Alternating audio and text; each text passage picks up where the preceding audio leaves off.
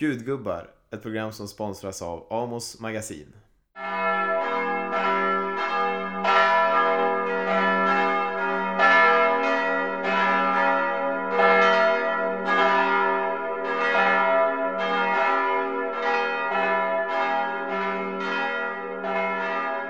Varmt välkomna till ännu ett program. Vi fortsätter vår jakt på det goda teologiska samtalet. Jag som heter Andreas Ekström och mitt emot över bordet sitter jag, Emanuel Karlsten. Hur mår du Andreas? När vi senast lyssnade på dig, i alla fall i kronologisk ordning, så mådde du inte så bra. Ja, I, i, i, avsnitt två i den här serien så hade jag hisklig, var hiskligt hes i halsen. Och tre då hade var det vi, va?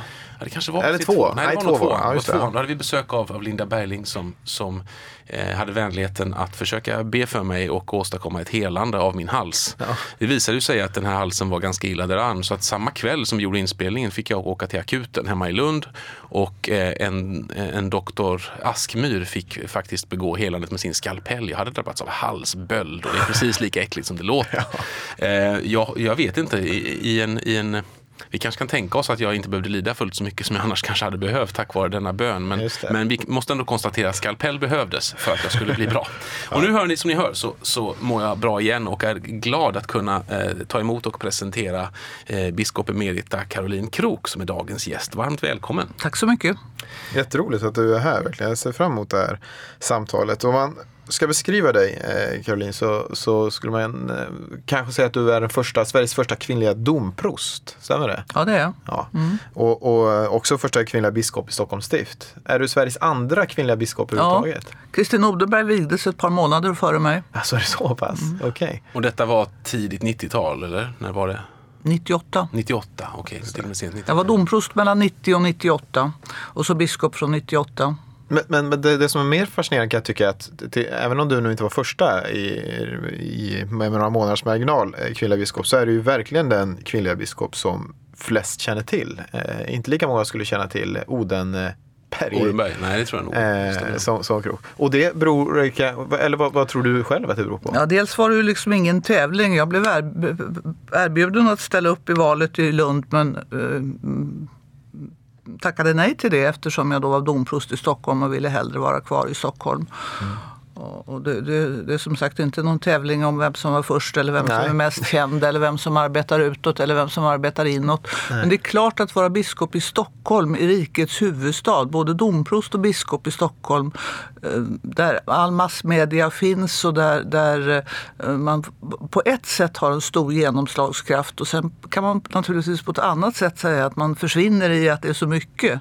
Men att eh, Eh, jag har velat vara med att påverka att kyrkan har en betydelse. Eh, och sen eh, blev jag ju väldigt känd ur de här stora katastroferna. Vid Estonia-katastrofen och, och, och vid, mordet på Anna Lindh och tsunamikatastrofen. Och man direkt direktsände gudstjänster från Storkyrkan och jag liksom kom in i alla människors vardagsrum i en situation då de, man längtade efter ord av tröst och, och, och, och det gjorde att jag blev väldigt känd. Men du har också stått lite som en representant för det som är temat har vi tänkt idag, eh, utanförskapet här. Alltså dels har det varit en, en, eh, en talesman för eh, homosexuellas rätt att gifta sig i kyrkan. Där har du varit väldigt stark. Mm. Ja, det och oavsett om du hade varit i Lund eller Ja. någon annanstans så hade ju det antagligen Mm. inte satt samma avtryck i debatten. Och så jag var också den första kvinnliga fängelseprästen. Och det var i min, för, min allra första tjänst. Jag prästvigd 1969 och kommer från en fin Östermalmsfamilj i Stockholm och blev fängelsepräst i Malmö ett, och församlingspräst i ett arbetarområde i Malmö. Och det gjorde att jag liksom, eh, fick kontakt med människor som jag an, annars inte skulle ha fått kontakt, den här djupkontakten med och en större förståelse och sen kan man också säga då att jag, mm, 68-revolutionen och, och hela den, den tiden, då var jag student. Och lämnade en del av de borgerliga värderingarna.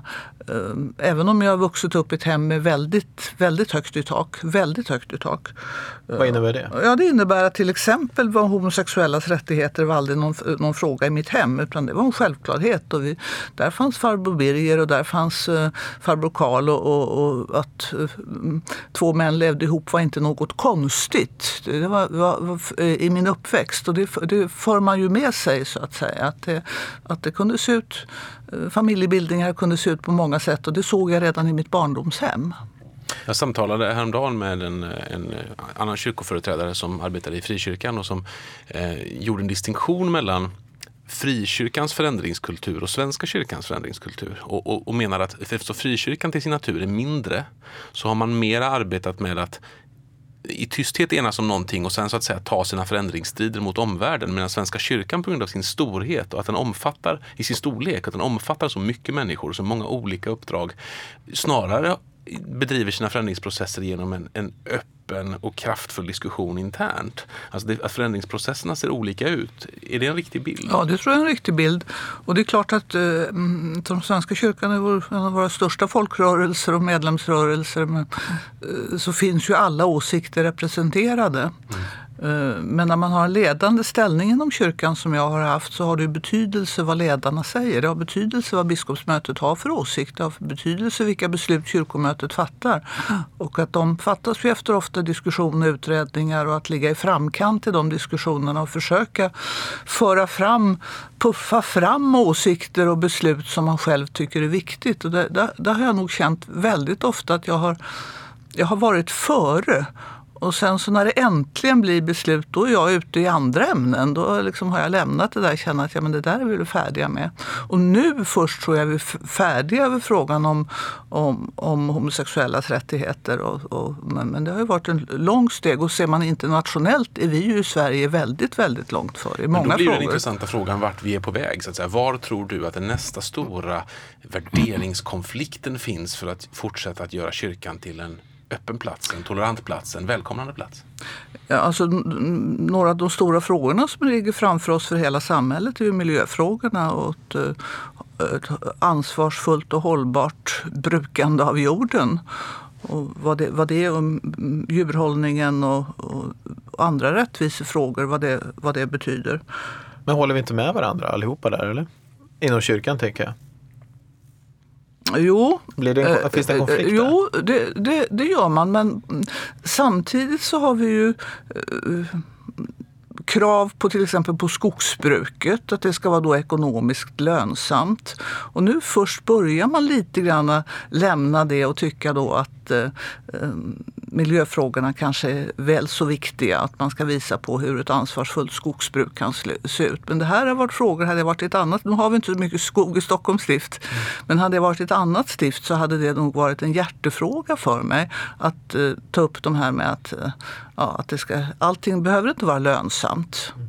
Du är ju, som sagt, du pratar om att du är en av de första biskoparna och första kvinnorna överhuvudtaget på olika maktpositioner i kyrkan och så.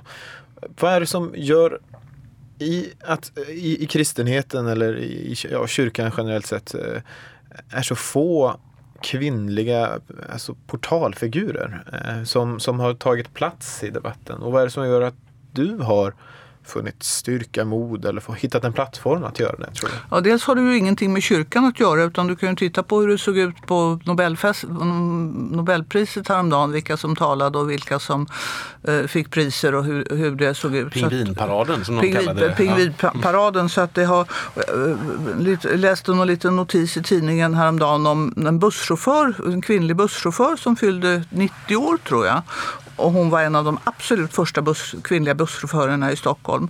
Och hon hade då varit med om att män hade klivit av bussen när de såg att det var en kvinna som körde.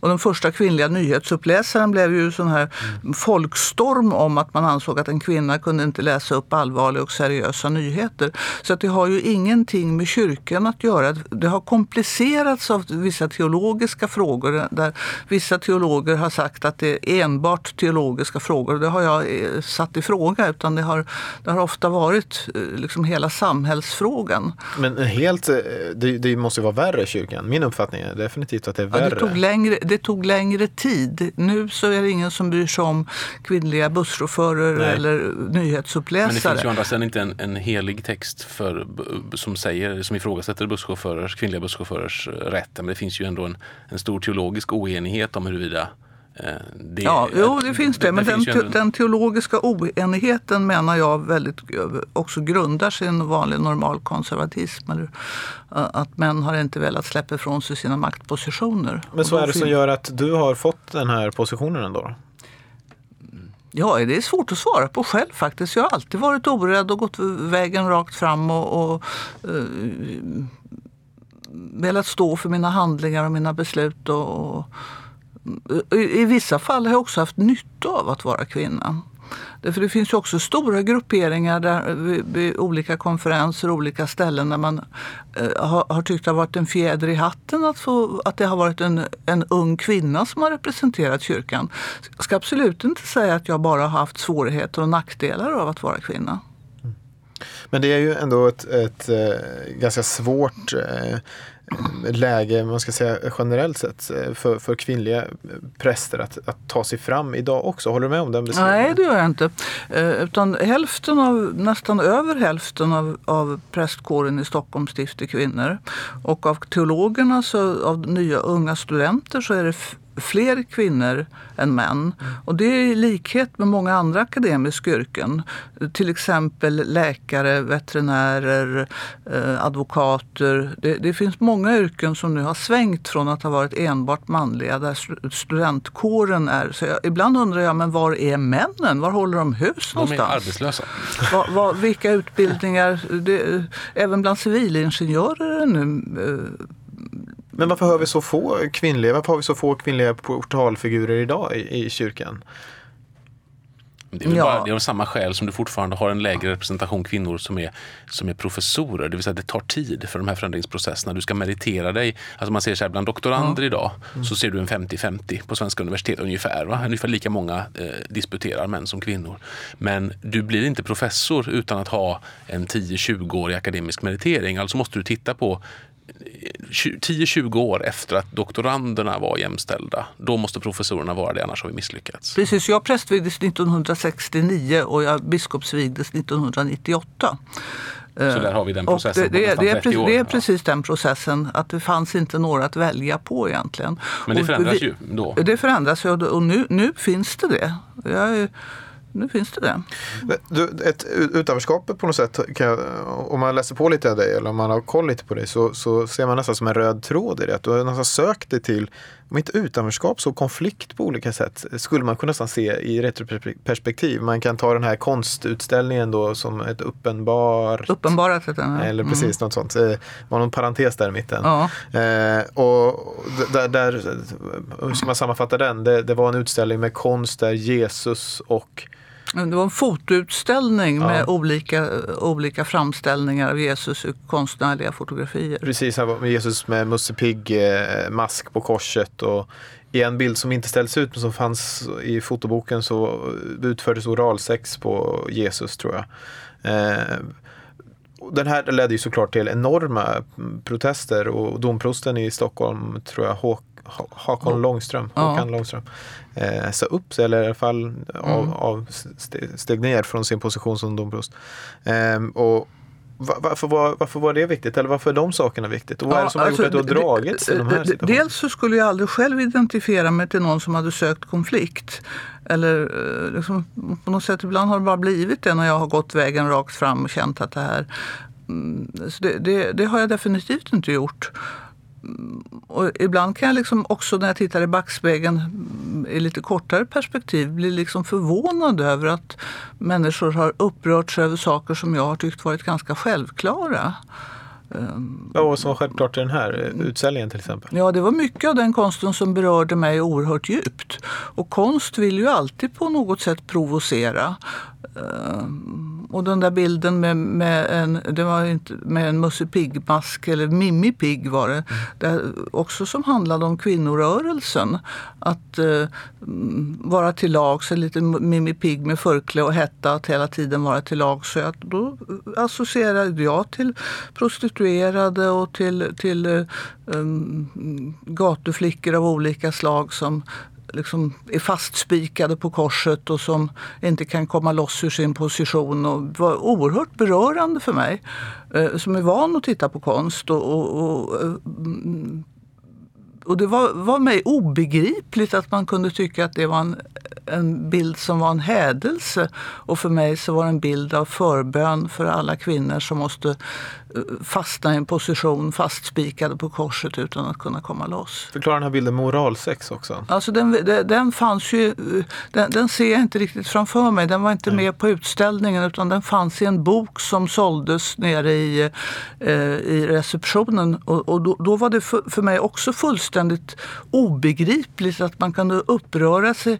över en bild som såld, fanns med i en bok som man ju själv bestämde om man ville köpa. Det var inte någonting, och den här utställningen var ju på Kulturhuset, det var inte i en kyrka. Man betalade till och med inträde för att komma in. Mm. Då tyckte jag att det var uh, mer förståeligt kanske med Elisabeth Olsson Wallins bilder uh, som visades på diaprojektor eller på projektor i eh, Uppsala domkyrka en kulturnatt. Mm. Men det var många som trodde att det var en utställning och som eh, bilderna fanns där och att man liksom gick förbi med sina barn till dopfunten och sen skulle man eh, se de här bilderna. Det finns ju också mycket, väldigt mycket mytbildning om en det ena än det andra. Som det är ju ständigt problem med detta. Men det, där har vi ju hela kärnan till varför vi vill göra den här programserien. Detta ständigt uppskruvade. Det räcker att man säger att ah, har de bilderna visats i domkyrkan kyrkan. Annars blir det ramaskri innan de bara får klart för sig att nej, men det var under de här omständigheterna ja. som det skedde. Ja. Men det är klart man måste vara medveten. Du pratar om att det är en provokation eh, och att, att det behövs konst provocerar. Ja. Det är det ja, det, det, det måste vara så. Jag menar att kyrkan måste provocera. Att det kan inte vara så att kyrkan ska uh, vara på ett sådant sätt så att alla människor tycker att allt är bra.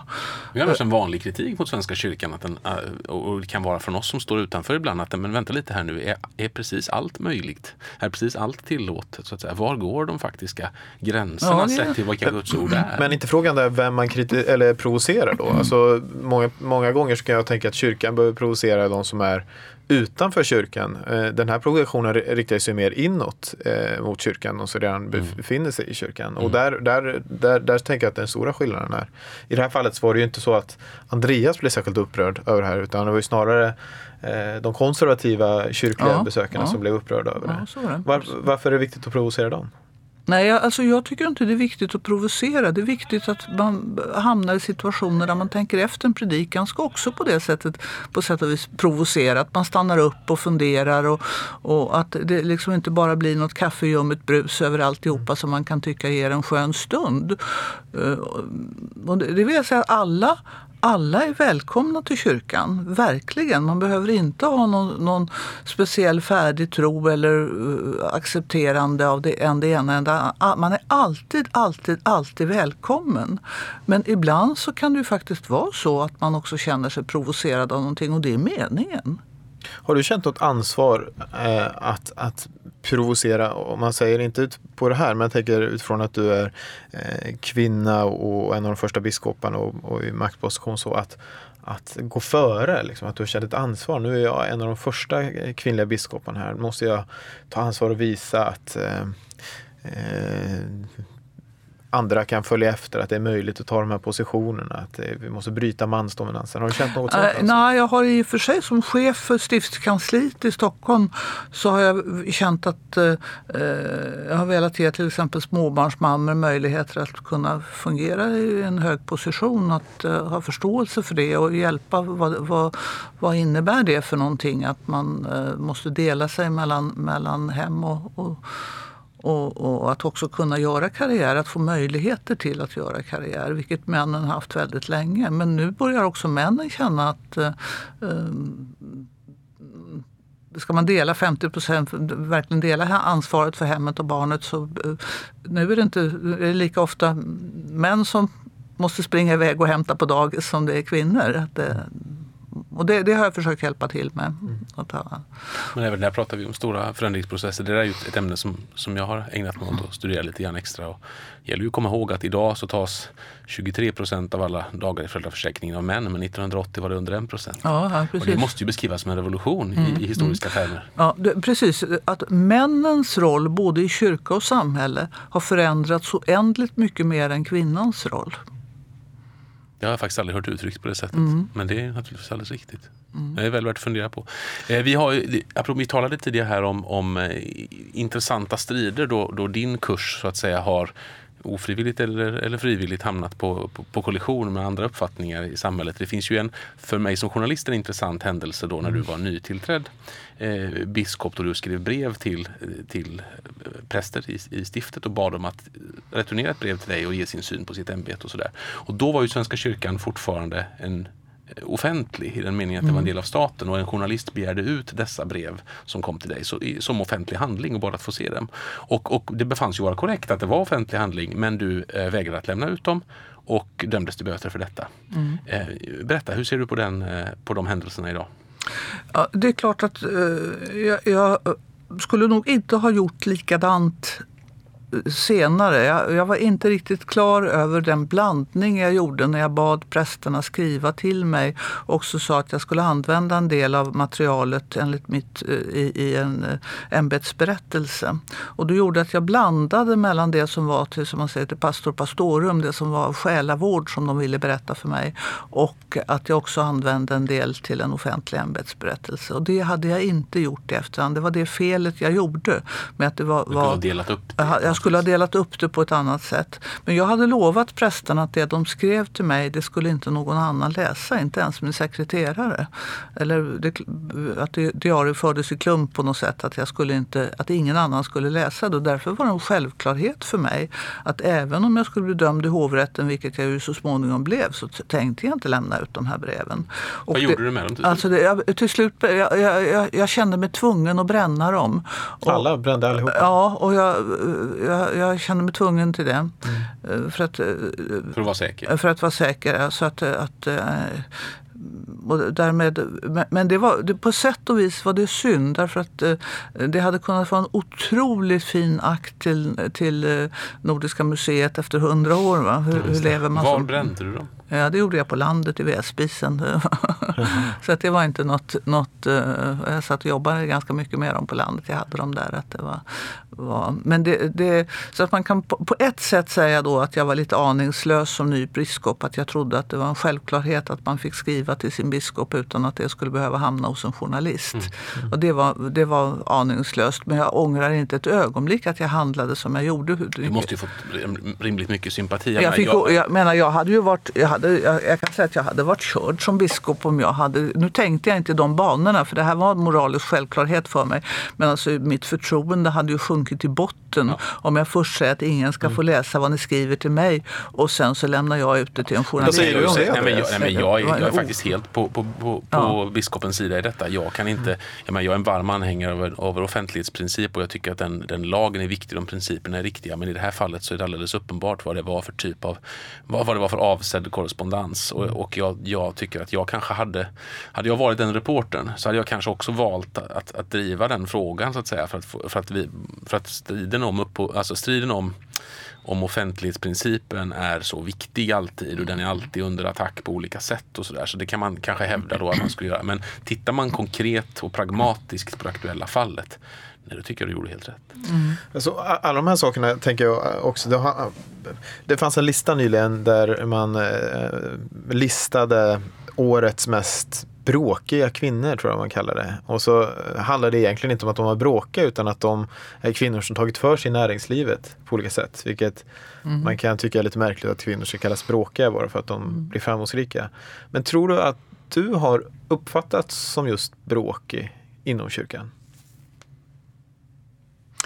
Ja, när du säger det här så ser jag för mig någon gång som ung präst och jag fick hela kyrkomötet mot, mot det dåvarande biskopsmötet att ändra. Jag kommer inte ens ihåg vad det var för fråga men det var ganska ovanligt att man i plenum kunde få ett kyrkomöte att ändra sig och att jag liksom, biskoparna då fick eh, backa för en ung kvinnlig präst. Och då var det nog de som ansåg att jag liksom var... Du minns inte vad det var för fråga? Jag kommer inte ihåg vad det var för fråga faktiskt. Jag kommer inte ihåg det utan jag kommer ihåg eh, själva situationen att, att eh, att jag, jag, jag, var, jag var debattglad. Jag tyckte det var roligt att slänga käft. Mm. Men det, det, det, tycker jag inte längre. Utan, Men, gör du inte? Nej. Varför inte det? Nej, därför nu, liksom, nu tycker jag det är roligare att lyssna och föra samtal än att liksom få vinna i en debatt. Det intresserar mig inte längre. Nej. Men har du känt att du varit man ska inte säga hotad, men att det är någon som har liksom försökt sätta dig på plats? Eller ja, liksom. då, det, har, men det har jag inte brytt mig om. Och det är väl det som gör att jag, men jag, jag kan säga jag, har- jag, jag har inte medvetet känt lust i att provocera, men det har blivit så när jag har liksom känt att jag har velat gå min väg och jag har liksom tydligt känt vad som är rätt och fel. Och Den att, erfarenheten tror jag att du delar med många som har varit eh, först med att göra saker. Ja. Ehm, om, vi tittar, om vi tittar framåt, du nämnde miljöfrågan som, som en, eh, ett, en stor utmaning att förhålla sig till nu för, för oss alla, för kyrkan. Ehm, vi pratar lite grann om utanförskap och vi ser att vi har kommit långt med homosexuellas rättigheter. Ehm, hur bra är Svenska kyrkan på att ta emot nyinvandrade svenskar? Hur bra är eh, Svenska kyrkan på att ta emot människor som inte eh, är i mitten av den mest samhälleliga normen? Hur, hur ser du på kyrkans välkomnande och välkomnande möjligheter framöver? Var, var finns eh, Jag tror att kyrkan har en väldigt stor uppgift och jag vet också att väldigt många gör otroligt mycket. Jag var ute och åt lunch med en präst ute, det var ute i Täby. Det hade kunnat vara nästan var som helst. Och, där de, och då, då säger hon, ska vi gå på kaféet här där, där, eh, som församlingen har där mm, man från, eh, de som inte har svenska till modersmål får tala svenska med, med, med svenskar.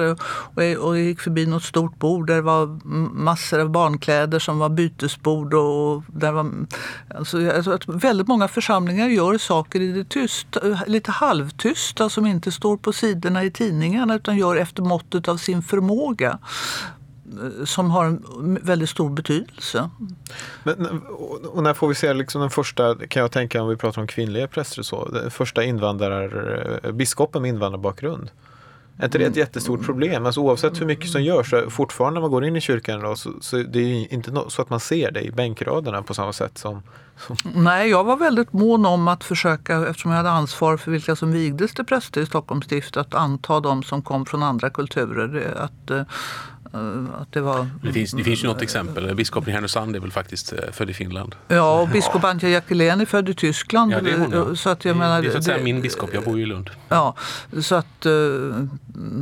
Det det, det är, Men är inte det ett problem? Alltså om vi pratar om att det är ett problem att det finns två få ska säga, kvinnliga portalfigurer i kyrkan oavsett om det kallas frikyrkan eller Ja, men det kommer lösa sig av sig självt av samma sak som vi sa nyss, att jag behövde 30 år på mig att bli, bli, bli, bli biskop från det att jag prästvigdes. Så det prästvigs eh, flera, mm, många personer som kommer från andra kulturer. Man får acceptera en långsamhet där kanske. Och att det, att det, det, det, tar, det tar sin tid så att säga. Sen är det, också alltid, det är alltid så lurigt också för att vår, vår längtan efter att se hela paletten kan ju ibland driva fram då eller tvinga någon människa som inte egentligen alls längtar efter att bli portalfigur utan bara känner ett, ett kallt i prästyrket. Och känner att jag vill göra detta. Jag har inte lust att representera eh, utomeuropeiska invandrare som har blivit präster i Svenska kyrkan. Jag vill inte ingå i den kategorin. Jag vill bara vara präst i Svenska kyrkan. Ja, men tror med- alltså, vår, medieklimatet och vår längtan efter att se den här diversifieringen kan, kan ju tvinga in människor i att bli på något sätt eh, jag menar, eh, lite, lite, lite ikoniska för sina respektive eh, grupper. Det är egentligen inte så lyckat att vi, att vi, att vi strävar efter det. Ja, men det är väl inte så lyckat att de manliga eh, portal, portalfigurer är portalfigurer heller alltid. Men de- det ligger, ligger i deras natur att de, de bara blir det, eller de får det. Och, Jag tänker på hur förra ärkebiskop KG Hammar eh, klagade vid något tillfälle vid någon internationell konferens där han inte hade fått plats i någon eh, exekutivkommitté som han hade haft förut. Och då suckade han inför biskopsmötet och sa, ja men ni vet, vit medelålders gift man, det är inte lätt att få plats då. Ja, det är ju, det är ju både roligt och sorgligt på samma gång. Ja. Men, men att vi, jag tänker att media har ju en, en, en, eh, roll i, i allt det här också. Är, är det ett, alltså, vil- vilket problem är det att, att vi, ja men vi kan prata om oss själva, ofta vänder oss till samma kvinnliga frontfigurer inom kyrkan hela tiden. Är, är, är vi dåliga som inte söker upp eller skapar? På samma sätt som du tycker att du kanske blivit skapad genom att du har varit biskop i Stockholms stift. Att du, då har du varit lättillgänglig för media. här. Eh, har media varit lata med att hitta och skapa portalfigurer för kyrkan? Liksom, oavsett om de är kvinnliga eller har invandrarbakgrund. Liksom, så att det alltid blir männen eller de vanliga makthavarna. Nej, jag har, det, det, det, det kan jag inte svara på faktiskt. Jag tror att Antje Jackelén i Lund är med i oändligt många sammanhang på grund av sin kompetens. Inte för att hon är kvinna, utan för att hon är en oerhört kompetent person. Och också lätt att uttrycka sig offentligt och utåt. Och, och sen finns det andra biskopar som jobbar på ett annat sätt som inte, inte är sämre. Men, jobbar inåt, i, jobbar inåt i stiftet och inte i massmediala. Nej, men borde skriver Emanuel egentligen ett generellt massmediellt problem som vi alltid kämpar med. Det vill säga eh, nu behöver vi expert på ämne A mm. eller, eller person som kan representera fenomen B. Och på något sätt så räcker räcker inte antingen kunskaperna eller energin eller fantasin alltid till mm. för att eh, tänka utanför den berömda boxen. Och då, då blir det ju eh, ibland att man vänder sig till samma människor för att få en typ av ja. eh, respons. Det vill säga med i alla år så... Ett färdigskrivet manus Ja, men så här, åh, vi ska analysera ett valresultat. Ja, men då ringer man till Sören Holmberg i Göteborg för det står i lagen. Ja, eller vi ska ha någon provokativ person så ringer vi Bert Karlsson. Men borde Precis. vi ha, kvotera in på samma sätt alltså, som, som, som media kanske gör många gånger? Alltså, nu har vi eller försöker, vet jag i alla fall på redaktioner. Nu ska vi få en man och en kvinna som ska uttala sig. Ja, det tror jag är viktigt. Men jag tror också det är viktigt att de som framträder i massmedia gör det bra. Mm. Och att man, man kan uttrycka sig på ett sånt sätt som gör att man, man passar i ett sånt, eh, att ta, uttrycka sig kort och att kunna använda pregnanta bilder och att man liksom går igenom rutan på ena eller andra sättet. Då är det bättre att de som kan det får göra det. Men, men samtidigt behöver man övning för det naturligtvis. Men ska kyrkan också eh, kvotera?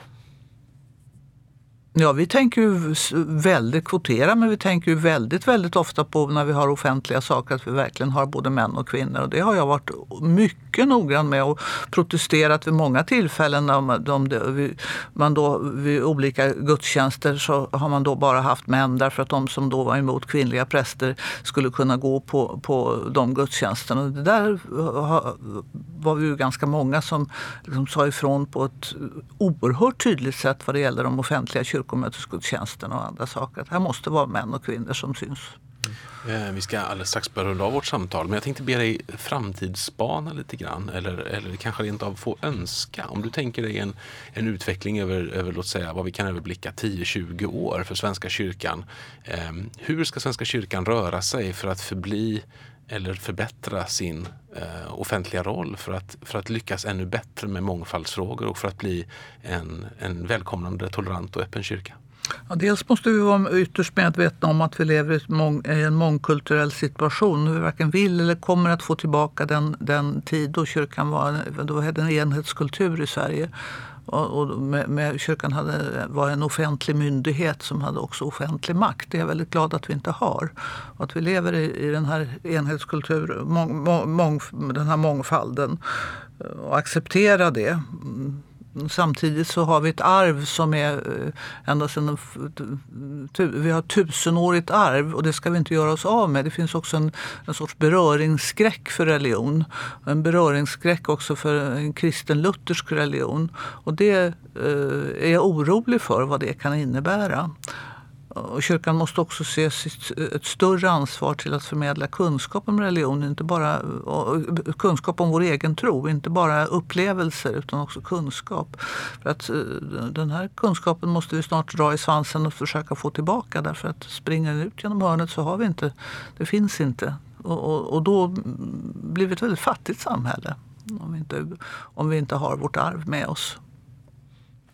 Tack. Då, eh, det får nog avsluta denna, detta avsnitt. Vi ska tacka några. Vi ska tacka Amos Magasin för att de sponsrar Och vi ska tacka oss. ljudstudion Appear på Kungsholmen i Stockholm där vi just nu befinner oss som hjälper oss med ljudproduktion och med, med annat med inspelningen. Men framförallt ska vi tacka dig Caroline Krook. Jätteroligt att ha dig här. Tack så mycket för din medverkan. Tack ska ni ha. Lycka ses, till. Ja, tack. Vi ses igen nästa gång. Det gör vi. Hej.